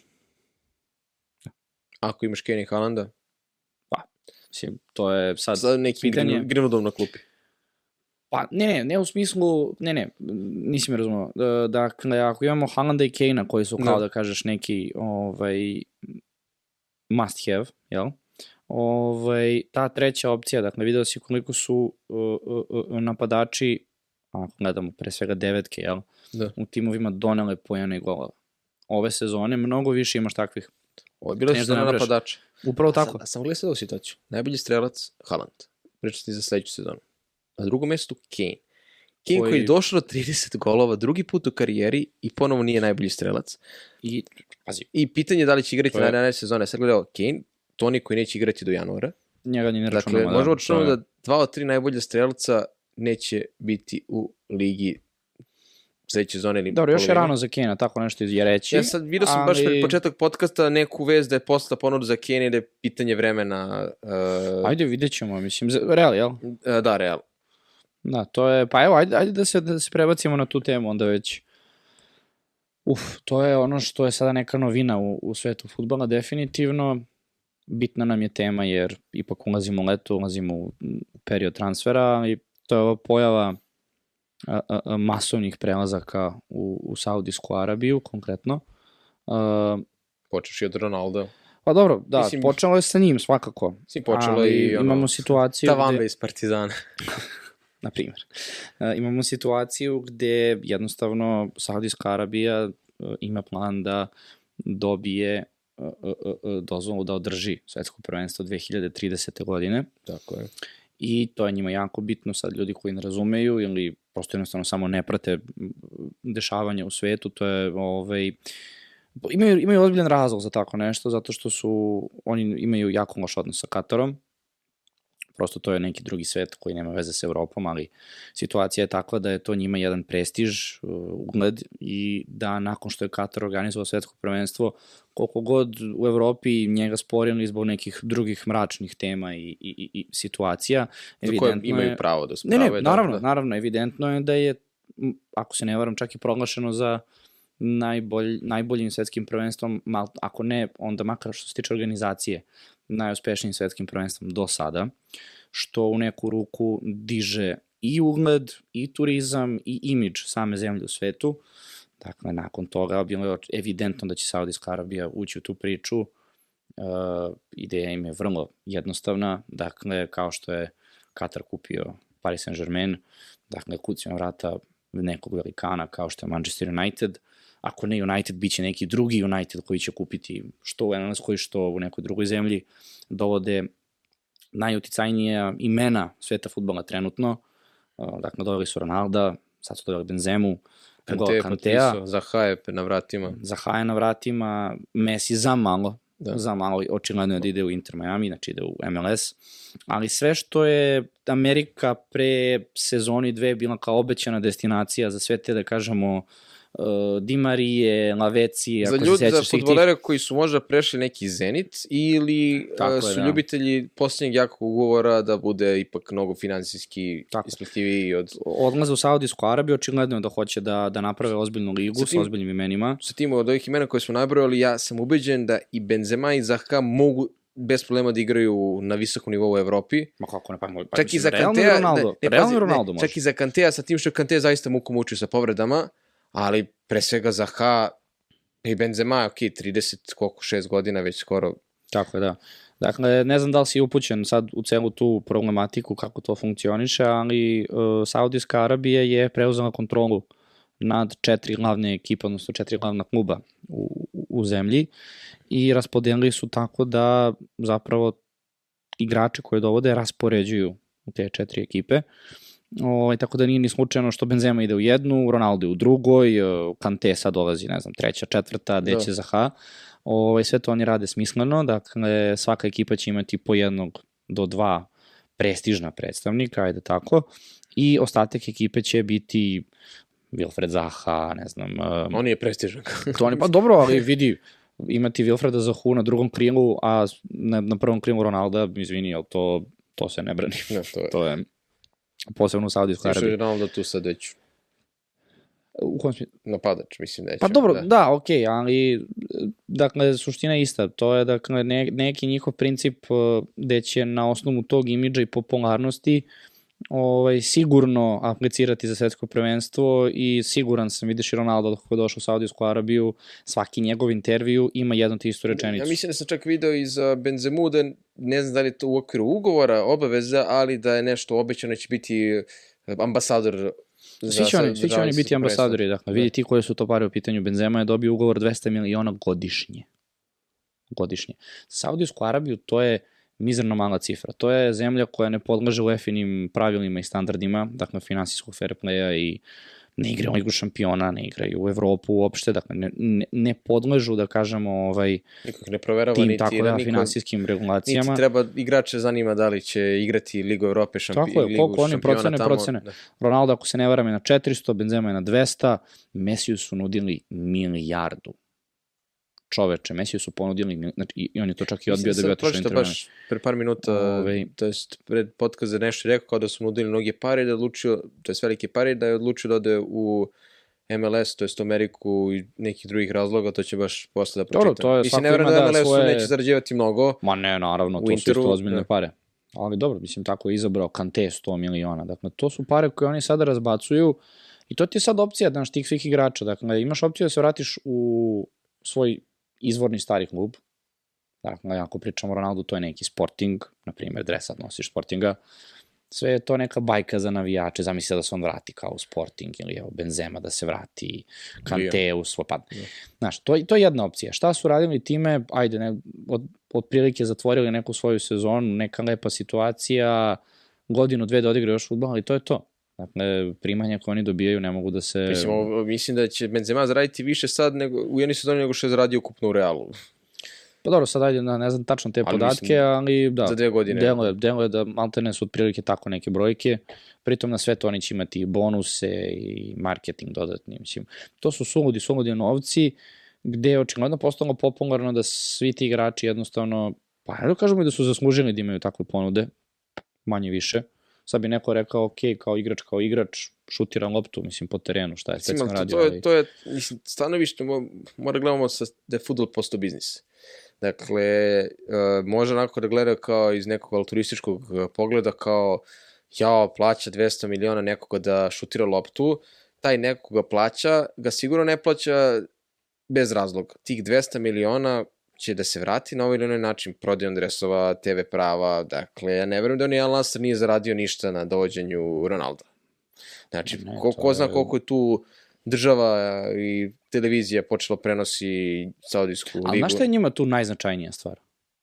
Što ti znaš ime tog kluba sada Da. i lepo si ga izgovorio. I što znaš kako koje boje mu je dres i što znaš kako izgleda grb. I- I ne samo to, nego što ja znam o čemu pričaš i svako ko je iza kamere kad ti izgovoriš ime tog kluba I zna da je o čemu Saudijska pričamo. Arabija u To je, poziciji, to je poziciji da se ne vrati ni evro koji su uložili u Ronaldo, oni kažu da to bio uspešan potez jer su u To centru ti, pažnje. to ti kažem. Ti kad pogledaš dresove, sad, evo kad smo bili na Da. putovanju, ne znam da si primetio, ok, ne znam, dres ovog, ove ekipe, ove ekipe, ali Ronaldov dres i Saudijske Arabije, dakle, to je, to je, na, ono, postoji, imaju ga i juče- svako ga prodaje. Juče smo šetali, pre, pre par dana šetamo centrom Beograda, ulazimo u prodavnicu dresova, idu velikani, Al Nassr se pojavljuje. Tako je, već to ti kažem. uporno, da nije Ronaldo, znaš, kad bi se Al Nassr pojavio Tako bilo je, gde tako u će ti Evropi. biti i dres Benzeme i se dres... Tu, da, tu i sad ima ono pitanje koje se postavlja kao da li to uništava draž futbol. Sad možda će zvučiti nepopularno ovo što da kažem, ali šta to znači draž futbol? Dakle, to možda mi, mi kao evropljani ili narod koji se nala- koji živi, narodi koji žive u Evropi, gde sada doživljavamo to da dobri futbaleri, najbolji futbaleri, futbaleri koji su izašli iz nekog zenita, ali su opet ostavili neki trag, odlaze daleko na istok, odlaze na, da igraju te neke lige koje nama nisu zanimljive, niti ćemo gledamo. Dakle, nećemo gledati, neće igrati ni u Ligi šampiona, Ligi Evrope, Ligi konferencije, neće igrati u nekim nacionalnim šampionatima i gde odlaze za ozbiljnu sumu novca i onda se tu postavlja to pitanje kao da li Arapi uništavaju futbol, kao prosto novcem kupuju sve što se može kupiti. Sad, ajde se postavimo ulogu ljudi koji su ipak sa tog područja.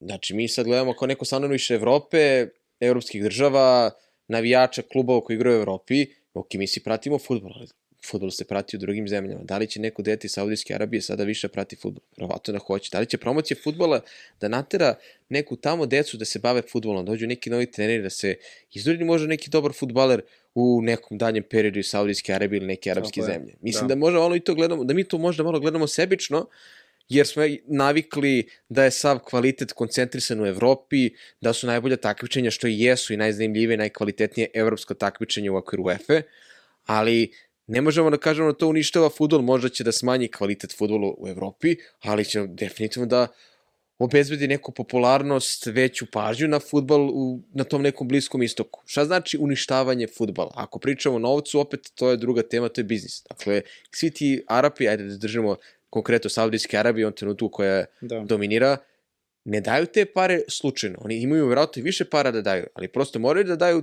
u ovim trenucima tolike pare da bi neki evropski ozbiljan futbaler došao tu, jer ipak će svaki i ozbiljan futbaler projekat. pre želeti da, pre želeti da igra neku, u nekom Pa evropskom dobro, timu ili neko evropsko takmičenje za te velike pare će mnogi da se prosto tamo prebaci da igraju futbol. Dakle, oni dominiraju novcem, što je apsolutno legitimno. Niko ne može da zabrani ni evropskim klubovima, ni američkim vlasnicima veći, većinskih klubova u Evropi da oni uložu taj novac i da dovode igrače. To su i kinezi radili. Evo Amerika, evo sad, Messi ide, u- ide u Ameriku. Dakle, imamo situaciju, Messi igra u Sjedinim američkim državama, Ronaldo igra u Saudijskoj Arabiji. A, tu, tu sad ima još jedna stvar koja je, ja stvarno mislim da je licemerna, možemo makar tako nazvati, a to pričam iz ugla nekoga ko navija za, za, za Manchester City, pa ima ta stigma Arapa i, i ostatka ovaj, te družine sa, sa Bliskog istoka.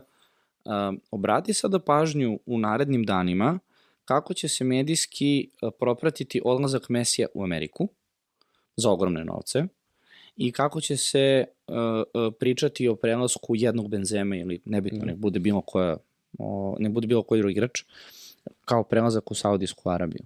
Dakle, generalno imam utisak da u Evropi a nekako smo mi naviknuti da pratimo premier ligu, pa samim tim i narativ engleske kao države, a samim tim, jel te, i novinara koji prate premier ligu, prate, to su njihovi lokalni klubovi, koliko god mi pratili sad englesku, njima je jedan Southampton lokalni klub za, za taj grad, da. svakako. Um, stiče se utisak da novac koji dođe sa Bliskog istoka i koji dođe sa zapada nije isti. Znaš, uh, kao da jedan dolar sa zapada vredi jedan dolar, dok je ovaj drugi dolar sa istoka krvav. Znaš, I, e, nekako je e, postavljena ta komparacija da ako imaš američkog vlasnika, ako imaš odlazak u Ameriku, ako imaš, ne znam, nekog vlasnika koji iz Evrope, ovaj, da je to nekako prihvatljivo i to je okej. Okay. Onda imaš City, PSG, ko je još tu kupio, sad. Newcastle, da, Newcastle koji je kupio, ovaj, Saudijska Arabija primjera radi. Dakle, kako ti sad meni možeš da objasniš da je ovo tipična kupovina, sada Newcastle, kao vlasnika iz Saudijske Arabije, da je de facto država u pitanju, da je to loš potez za sport, za Newcastle i za samu premier ligu da je ekipa koja je uspela da napravi tako jedno čudo, da se vrati, pa ne možemo kažemo na staru slavu koju su imali, ali se vraćaju sa svojim imenom i ulazi u Ligu šampiona, šta je tu problem? Znači, tu, znaš, znaš šta je tu glavni problem? Gde je tu problem? Taj neki opšti narativ gde se onako malo romantizuju možda neke stvari, kad se priča, ja, ovi su došli, uložili pare, a ostali timovi koji su nekad imali uspeh nisu ulagali pare u tim i, i prosto, eto, sada, samo se zbog novca dominira. Evo ti primer to je možda su za ovu sezonu. Chelsea ima novog vlasnika, Amerikanac. Tako je. Možda su, mislim, i najviše para potrošili ove sezone. 6 nešto miliona. Je li nešto rečeno na kontu američkih vlasnika i novca? Ne, mislim, mi više se pričalo o tome na, na koji način su uložili novac i na što je to izgledalo. Dobro, naravno, loš dakle. biznis, ali da li se komentarisalo da su to uh, oil money, state owned money i tako dalje? Uglavnom ne. To ti kažem. A mnogo Mislim, su, to se komentarisalo za vreme Romana, zato što je vjerojatno iz Rusije. Ali to je manje bilo. Oligarh. I to novac. je manje bilo. To je manje bilo, jeste. Imaju, imaju ozbiljan afinitet prema, prema, prema Arabima iz ne znam kog razloga, kao da je to e, proknat novac, gde taj novac de facto jeste da dolazi iz države, ali prosto moraju ljudi da shvate da ja, ja prosto mislim ne da... može civilizacija da funkcioniše samo s jednim sistemom da. koji je u Evropi. Dakle, ja prosto mislim da mora da kolektivno prihvatimo da se sve više ulože u futbol i da ne možemo da krivimo nekoga bilo da je iz Amerike, Saudijske Arabije, Kine, ko hoće dođe da uloži u neki klub, zvao se Manchester City, Southampton, Luton ili kako god, i da dođe uloži veliki novac i da, i da taj klub naprosto postane moćan i da se njemu stavlja taj teret, a vi niste ništa uradili dok nije bio uložen novac. Dobro, ljudi, u ovom 21. veku većina stvari ne može da funkcioniše bez novca. Malo je klubova koji su svoj imidž gradili godinama kao veliki klubovi koji su prosto rezultatima, istorijskim uspesima, velikom navijačkom bazom uspeli da postanu moćni bez tog nekog, a, kažemo, ulo, unosa kapitala odjedno. E, I tu bi te malo demantovao, da. iz jednog razloga što vreme kada pričamo o tome je vreme kada smo mi bili ili u pelenama ili i dalje nismo bili, bili živi, tako rođeni. Uh, to jeste, oni imaju uspeh, ali ti kad pogledaš jedan klub iz Poljske, jedan klub iz, ne znam, Češke, svaka ta ekipa ima neku svoju istoriju, Tako. ima neki svoj uspeh. Problem je da ti sada imaš situaciju gde pričamo o jednom Juventusu, Bayern Minhenu, Manchester Unitedu. To su klubovi koji objektivno gledano su najveći u istoriji, definitivno, Evrope, ali ne možeš da mi kažeš da oni nisu abnormalne pare za to vreme, kada su se razvijali i dolazili na to mesto, ulagali su u svoju ekipu.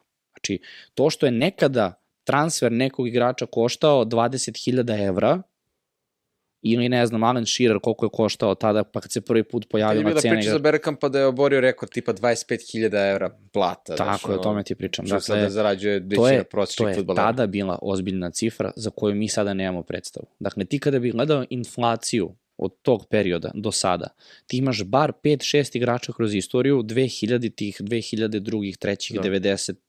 8. kada je to već sve krenulo ubrzano, kada bih pogledao odnos koliko, je, koliko to sada vredi imao bi bar 3-4 igrača koja su skuplja od jednog Griliša, od jednog Mbapea i tako dalje.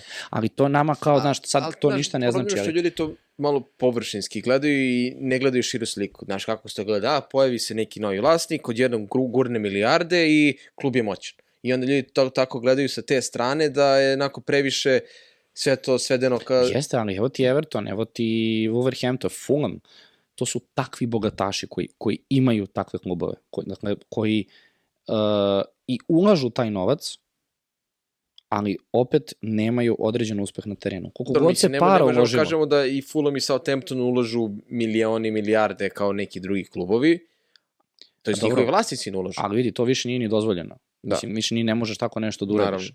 Ali oni nemaju rezultat. Dakle, koliko god ti uložio, ti opet moraš da izađeš sa svojih 11 igrača na teren i da pobediš. Da, ali meni, meni se, na primjer, jako svidelo način na koji je Newcastle počeo da radi. Dakle, kako kada su, kada, kada su došli njihovi vlasnici, bila je priča, aha, sad će Mbappe, sad će Neymar, Tako sad će nabu, da se nabuđi to. Ne, dovedeš prvo dobrog, mladog, perspektivnog trenera, koji je dobar deo ovog sastava, koji je izborio Ligu šampiona, igrao i, za, i kod Steve'a Brusa. Ti igrači, Joelinton, on je bio ispevan kao da je jedan od najvećih promaša, najgorih, najgorih napadača koji je doveo Newcastle, pa ga je ovaj transformisao jednog najboljih igrača sredine terena. Jedan Murphy, jedan Almiron, Pa dovođenje Bruno Grimareša. do, ali To- to je dovođenje, dovođenje, dovođenje, scouting. dovođenje Botmana, Dana Burna koji je izlučen na levog beka, koji je bio respekt, igrač sa solidnom karijerom u Premier Ligi, ali on doveden iz Brightona. Dakle, nije doveden igrač iz Barcelone, nije do... Sve doveden se slažem s tobom, skroz. Dakle, ok, oni su uneli velike pare i rade kvalitetno. Kada neki klub radi kvalitetno i na dobar način, zaista ne vidim problem da neko unosi kapital u to i neko, Apsolutno. je- najpoštenije bi bilo kada bi svakom i rekli, evo, svi neki imaju 20 vlastika koji će da ulože 2 milijarde evra i nek se svako lepo uh, na neki, druga, neki Tako je. poseban način pripremi, pa da nema tih priča kao, e, ovi su uložili toliko, ovi su uložili ovoliko. I Manchester City ulaže mnogo novca. Manchester City isto je jedan od timova koji na najkvalitetniji način počesti od omladinskog pogona uh, stvara futbolere koji malo, malo izlaze u prvi tim, dakle od Fodena, Palmera i nekih drugih generacija. Pa evo, hoćeš da idemo redom koga su oni dovodili kad su, to- su jedan Kolarov, jedan Kompani. Ko su bili tada ti igrači? Dobro, David mislim- Silva. Mislim, to, nemoj da shvatiš pogrešno, ali to niko od njih... Ok, Jaja Ture je bio u Barceloni, ok, bio je neko ime. Aguero je bio dobar prospekt, ok, ali on ti je bio na nivou kao što sada pričamo o jednom Isaku. Možda sam malo sad Bruyne preterao. koji je imao epizodu u Chelsea-u, pa se nije snašao, to jest nije dobio priliku, pa Tako iz je. Wolfsburga ponovo doveden. Mislim, ima tu, to je tema o kojoj možemo pričamo dosta. Ima, ali evo ti Akanji, kakav biznis, Da. Gundogan. Mislim, ti ti kad pogledaš, jeste, dosta je novca uloženo, ali uporedi, evo dva rivala sada, City United. U posljednjih deset, deseta godina United nije ništa specijalno manje dao para u, u, u transfere i dovođenje igrača generalno nego City. To, to je razlika možda u nekih stotinak miliona gore dole, da ne vadimo sada podatke, ali tu je negde. A sad pazi. Uporedi uspeh i sistem koji stoji između ta, ta, ta dva, ta Ajde dva sad, kluba. ta dva kluba sad. Ajde da ubacimo jedan treći klub tu, koji nije mnogo ulagao, Tottenham, koji pare uložio u stadion. Tako je. U trenucima kada imaju Pochettino, kada igraju finale Lige šampiona, kad imaju neku bazu, oni se odlučili da ulože u stadion, što isto legitimno, ne su ulaganje u njihov tim za taj neki nivo koji navijači klub očekuju. I evo sada dolazimo od toga da je nov trener, dakle, Grk iz Australije, kapiram da ima neko grčko poreklo, koji je sa Celticom napravio zaista odlične rezultate u prethodne dve sezone, ali pre toga imao... Jednostavno loše odluke, to je mislim, pro, pro, prosto... ne, manje k***cija. I to isto. Treba i Mm. navijači, ako nešto zameraju Leviju, to je što prosto sa manje ulaganja su ulozi. ima, ima i toga, ima i toga, slažem se, ali imaš i drugu stranu, sad, ovaj, poređenje Engleske, na primjer sa Španijom i sa, sa Nemačkom, kada gledaš. Dakle, situacija u Nemačkoj, zašto je ta, ta, to poređenje premijer lige u startu sa ostalim ligama petice ne- nemoguće, je što, na primjer, svi klubovi u Bundesligi su u neku ruku uh, uh, uh, u vlasništvu navijača. Dakle, u Nemačkoj, ako se ne varam, Osim 50%... Leipziga kad je bila ona priča, Tako pa je, da, osim- digli bunu navijači. pa Jeste, su- dakle, u Nemačkoj, u Bundesligi su ti uh, svi navijači, odnosno taj kolektiv kao sportsko društvo, ako se ne varam, oko 50% su ti vlasnici navijači. Dakle, i oni imaju od, određena je, da kažem, udeo, odnosno pitaju se za neke bitne stvari. Španci, s druge strane, imaš Barcelonu, gde imaš, znaš i sam situaciju u prethodne dve sezone, šta se dešava tamo, koliko su zbog Bartomeova finansijski propali, imaš Pereza iz Reala koji, ono, tata i bitnija, Don. bitnija, pa da, Don, da. Don, bitnija osoba od, od uh, ta, Tebasa, koji je predsednik La Lige, na primer, I onda imaš korupciju i kriminal u Italiji koji ono... Mislim, Porodičke ne, firme. Pa mislim, to ti je to, ali to, to je sad evo situacija, dakle, gde, na primer, uh, program je kao sa PSG-om i City-em što pregovaraju i u dilu su sa uh, firmama koje su takođe iz, dakle, Katara i, i Abu Dabija, Onda se pojavi poredi sa Anjeli i... Brate, znači imaš Anjelija koji koje... imaju, tako je, koji imaju Fiat u svom vlasništvu koji je glavni sponsor. Bayern, Audi.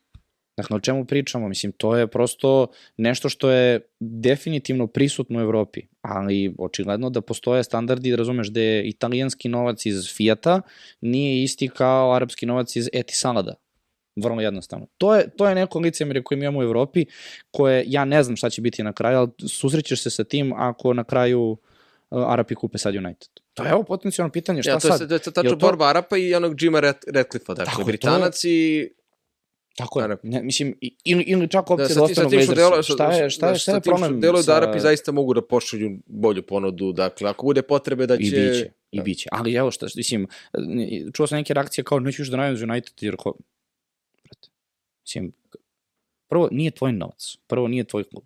Dakle, ne vidim, ja lično, kao neko ko je prisustvovao uspehu City-a kroz godine, ja ne, ja ne vidim lošu stvar koju vama može da se desi što će Arapi doći u klub.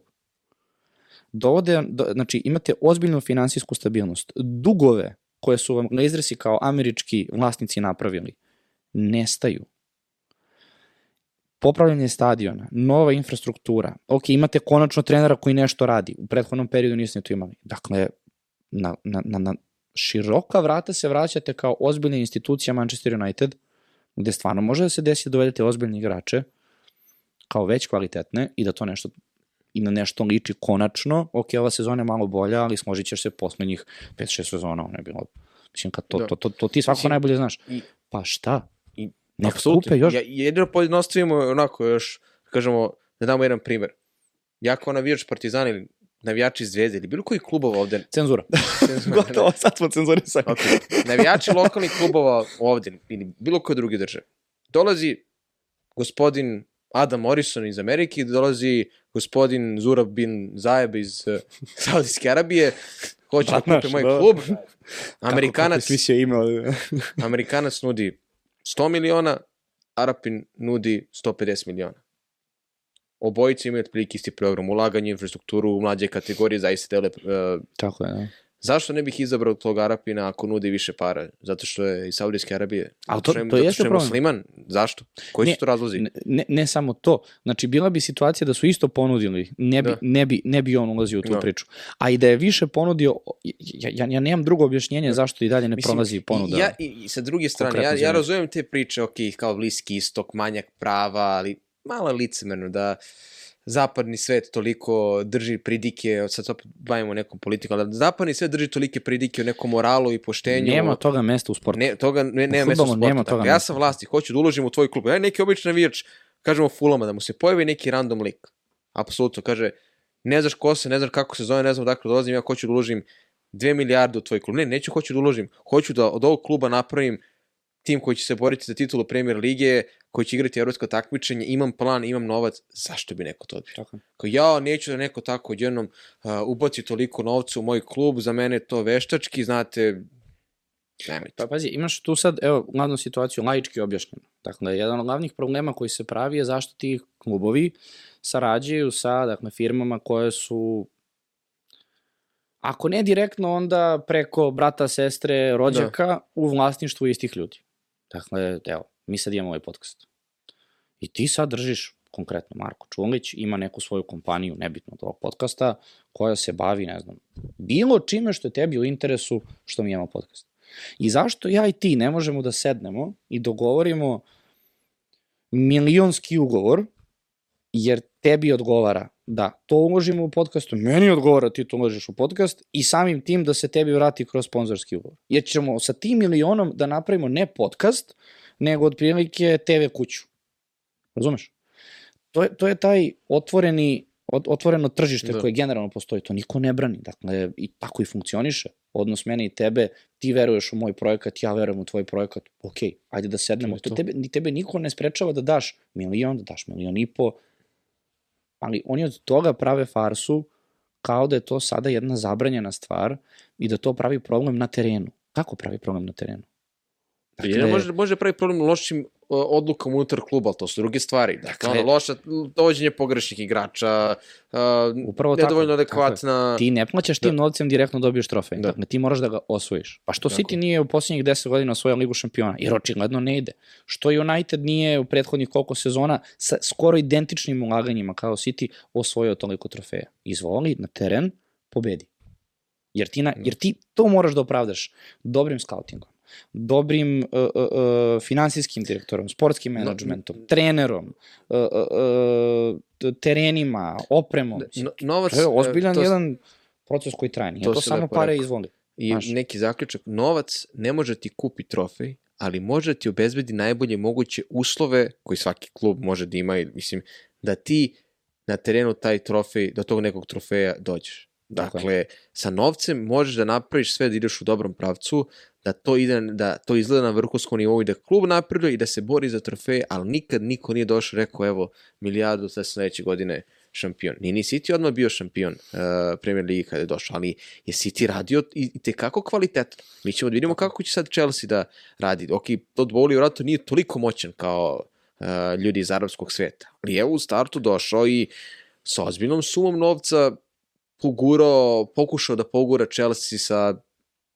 raznim transferima i potezima, o tome su već razgovarali, što ove sezone za ove prilike ništa nije doprinalo. Vidjet ćemo za neku Tako. dalju sliku sada uz Poketina, ali ljudi, ne znam ni jedan klub, dakle ni PSG-u, koji možda ima i veći kapital od City-a ili delo onako glamuroznije, jer igra u Francuskoj pa ima sigurnu titulu, jer zaista neka konkurencija dosta slabija. Pa Newcastle je sada najbogatiji da. klub na svetu, definitivno. Ali evo, ni, ni PSG nijednom nije bio bio jednom u finalu protiv Bayerna, da je Bayern pobedio, ali evo, ne mogu da prismrde li, trofeju Ligi šampiona. Ali totalno drugačija politika. Oni su da. dovodili zvezde. Da.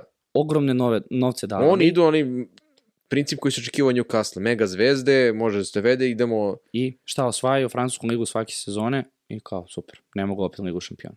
Znači, nije to toliko jednostavno sigurno, Ovaj, pritom, dobro mislim, znaš kako, ja, ja mogu tri epizode da posvetim ovome, dakle, ja kad pričam, da, da, da se dohvatim Barcelone, pa onda da se dohvatim generalno. pa ekonomije, da, to, to će biti veliki problem. Ali, da, mislim da je to generalno za Saudijsku Arabiju da zaokružimo priču, jedna, jedno licemerje koje mi imamo generalno, i kažem ti, obrati pažnju baš, uporedit ćeš mm. Mesija ovih par dana, kako će se Da, da Miami, Miami, Miami Beach, bleja sa Jimmy tako Butlerom, je, ide da gleda Jokića u finalu. Kako on uživa, tako je, a onda ćeš da imaš prvi članak kako u Saudijskoj Arabiji, ne znam šta rade i ovo... Ne, kada, se, znaš, kada se skreće pažnja na te stvari gde se ugrožavaju pravo ljudi, one, one brojne slike stradanja radnika, to sve apsolutno sa pravom treba da se potencira, se iznosi. To su stvari u kojima treba svako normalan da misli da prosto dođe u situaciju da se takve stvari ne ponove. Ali, mislim, ispada kao da na Bliskom istoku i Aziji žive neljudi, a da su u Evropi i na zapadu cvetaju ruže i sve ide...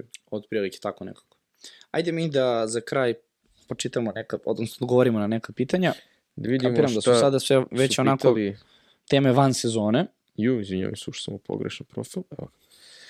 Čuka koji ima 28. Idemo ovako, pitanja idemo od početka. Mišljenje o Lesteru, šta im se desilo i kako bi uh, mogli vratiti, kako bi se mogli vratiti putem Premier Lige zarez najveće razočarenje. Znači, ti prvo ili ja?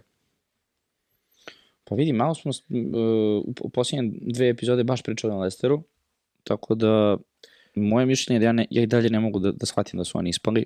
Očigledno vidiš da su već krenuli da, da, da, da odlaze iz, da. iz ekipe to je sad pitanje šta su njihovi planovi, da li hoće da se regrupišu u narednoj sezoni ili im je cilj odmah da se vratu u premier ligu.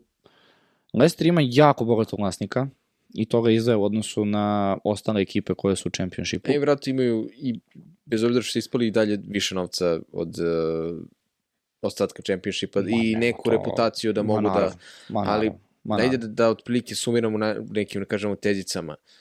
Loša transfer politika prethodno je lećeg prelaznog roka gde nije adekvatno osvežen tim, dakle ne može ni uvek konstantno ista ekipa od istih igrača da prosto funkcioniše. Uh, problem sa povredama, zašto je to tako bitno? Oni period Lestera o, u oktobru, novembru, kada su vezali dobre utakmice, vezali dobre pobrede, oni su jedino tada imali skoro čitavu odbranu gde su i Evans i James Justin bili prisutni. Da. Drugo, Jeste. prodaja golmana, glavnog golmana koji bio izgleda lepo u stačionici, to je dosta njih to posle apostrofiralo kako je on otišao da je pukla iz stačionica, nedovođenje zamene. Dakle, nemaš golmana, povredi se Justin, pa će povredi se Beck, nemaš ni Evans većim delom sezone, dakle nemaš ni bitnog štopera, dovođenje Vauta Fajasa koji je više naneo štete nego što je zapravo doprineo. Jamie Vardy koji je onako bio oko se napada, Stižu koji ula- godine, ne stižu godine, to da- majka prirode, prosto bio biološki sat od kucava. I sve te stvari kada se povežu, Ro- Rodgers dobije otkaz, dovodi se Dean Smith Kasno. kasno, Kasno dobro. dovodi se Dean Smith u kojem možemo da raspravljamo o njegovim kvalitetima i nekvalitetima, partije nekih bitnih igrača, da Madison na nivou cele sezone odigrao nekoliko dobrih utakmica od igrača kojih se očekuje da bude okosnica tima, da igra za englesku reprezentaciju, pojača neki mnogo veći tim. Prosto se, po- su se potrefile neke stvari ja i dalje mislim da je to najjači tim po imenima koji je ispao u poslednjih par godina. Kad se pogledaš papir sastavi tima, da je to najjači tim po imenima koji ispao. Da, pa to sve, sve što si rekao, Da. da. kombinacija svega. Mislim da tu ne možeš da uperiš prstom samo u jedan detalj, mislim da je stvarno isto kombinacija, Da. da. tako da prosto tako je. Sledeće pitanje, da li Kane može da ponovi ovo sledeće sezone? Može u Real Madridu. To ćemo, to ćemo baš ćemo sledeću epizodu, zato što će krenuti transferi i onda ćemo baš o tome Da. da, da komentarišemo. Mm, ne, ne mogu sad da komentarišem da li će Kane da ponovi naredne sezone, jer zaista Da, sam teško, skoro sigurno ubeđen Teško. da... Da, Haaland da, teško da će ponoviti ovakvu sezonu, mislim, prosto Pazi ovo pitanje, da li je Čuka opet Brko prošli put dobio? A Brkova nisi, Nisam, nisam ni Brko, nećeš može. biti više, vala. Zabranjeno mi je. E, evo lepo pitanje. Utisci od stadiona Allianz Riviere.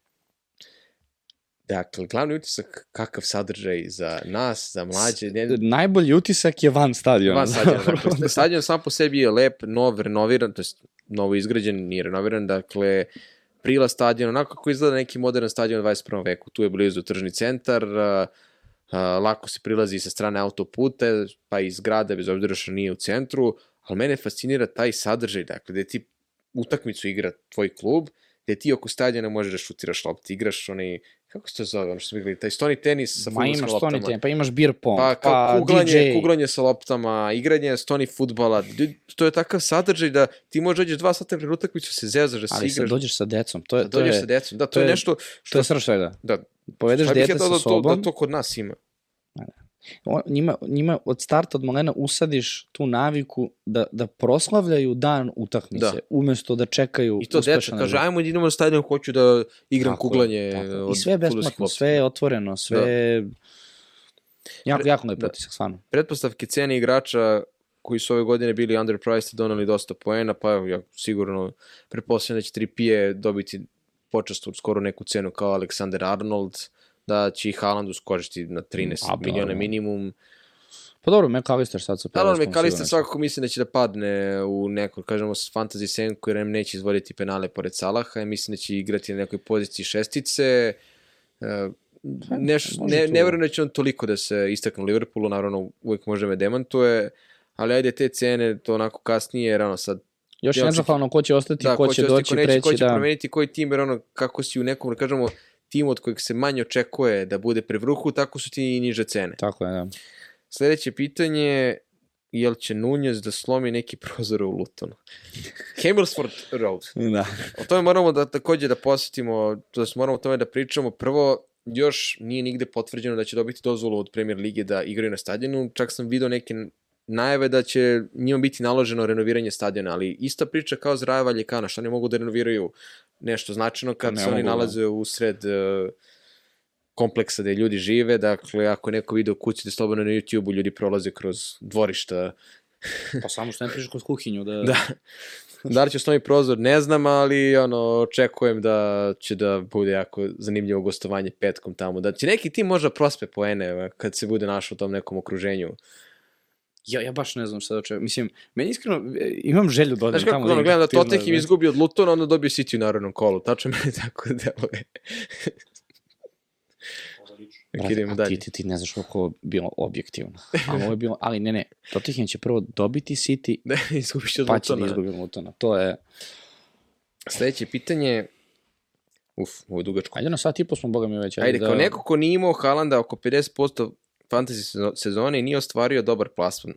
Uh, neko opšte pitanje, imate li mišljenje da se može ostvariti dobar FPL plasman bez top 2-3 igrača? U zagradi Haaland, Kane, Salah, recimo šest, što se tiče ove sezone, naravno u ovom slučaju se zahteva puno više planiranja napred, oslanjanja na diferencijala i puno sreće nego inače. Pa evo je, pričali smo o Kane-u, Tako je, da. bez sva tri, bez sva tri sigurno ne. Dakle, neko ko nije Pa imao da. ni Salaha, ni Kane-a, ni... Nikako, nikako. Nikako, očigledno da je neki optimum 2. Pazi, ja nisam imao Salaha. Da. Nisam imao Ali- Salaha, ja sam pao zbog Da, svih drugih stvari Te- osim Salaha, teško da ali teško. to ono što konstantno pokušavam da nekako isforsiram da ne možeš ti da očekuješ neki uspeh osim ako niko od tih glavnih zvezda, dakle ako se desi da pet kola za ni Salah, ni Haaland, ni Kane ne donesu ništa, tebi tvoji diferen- diferencijali donesu, to je bomba.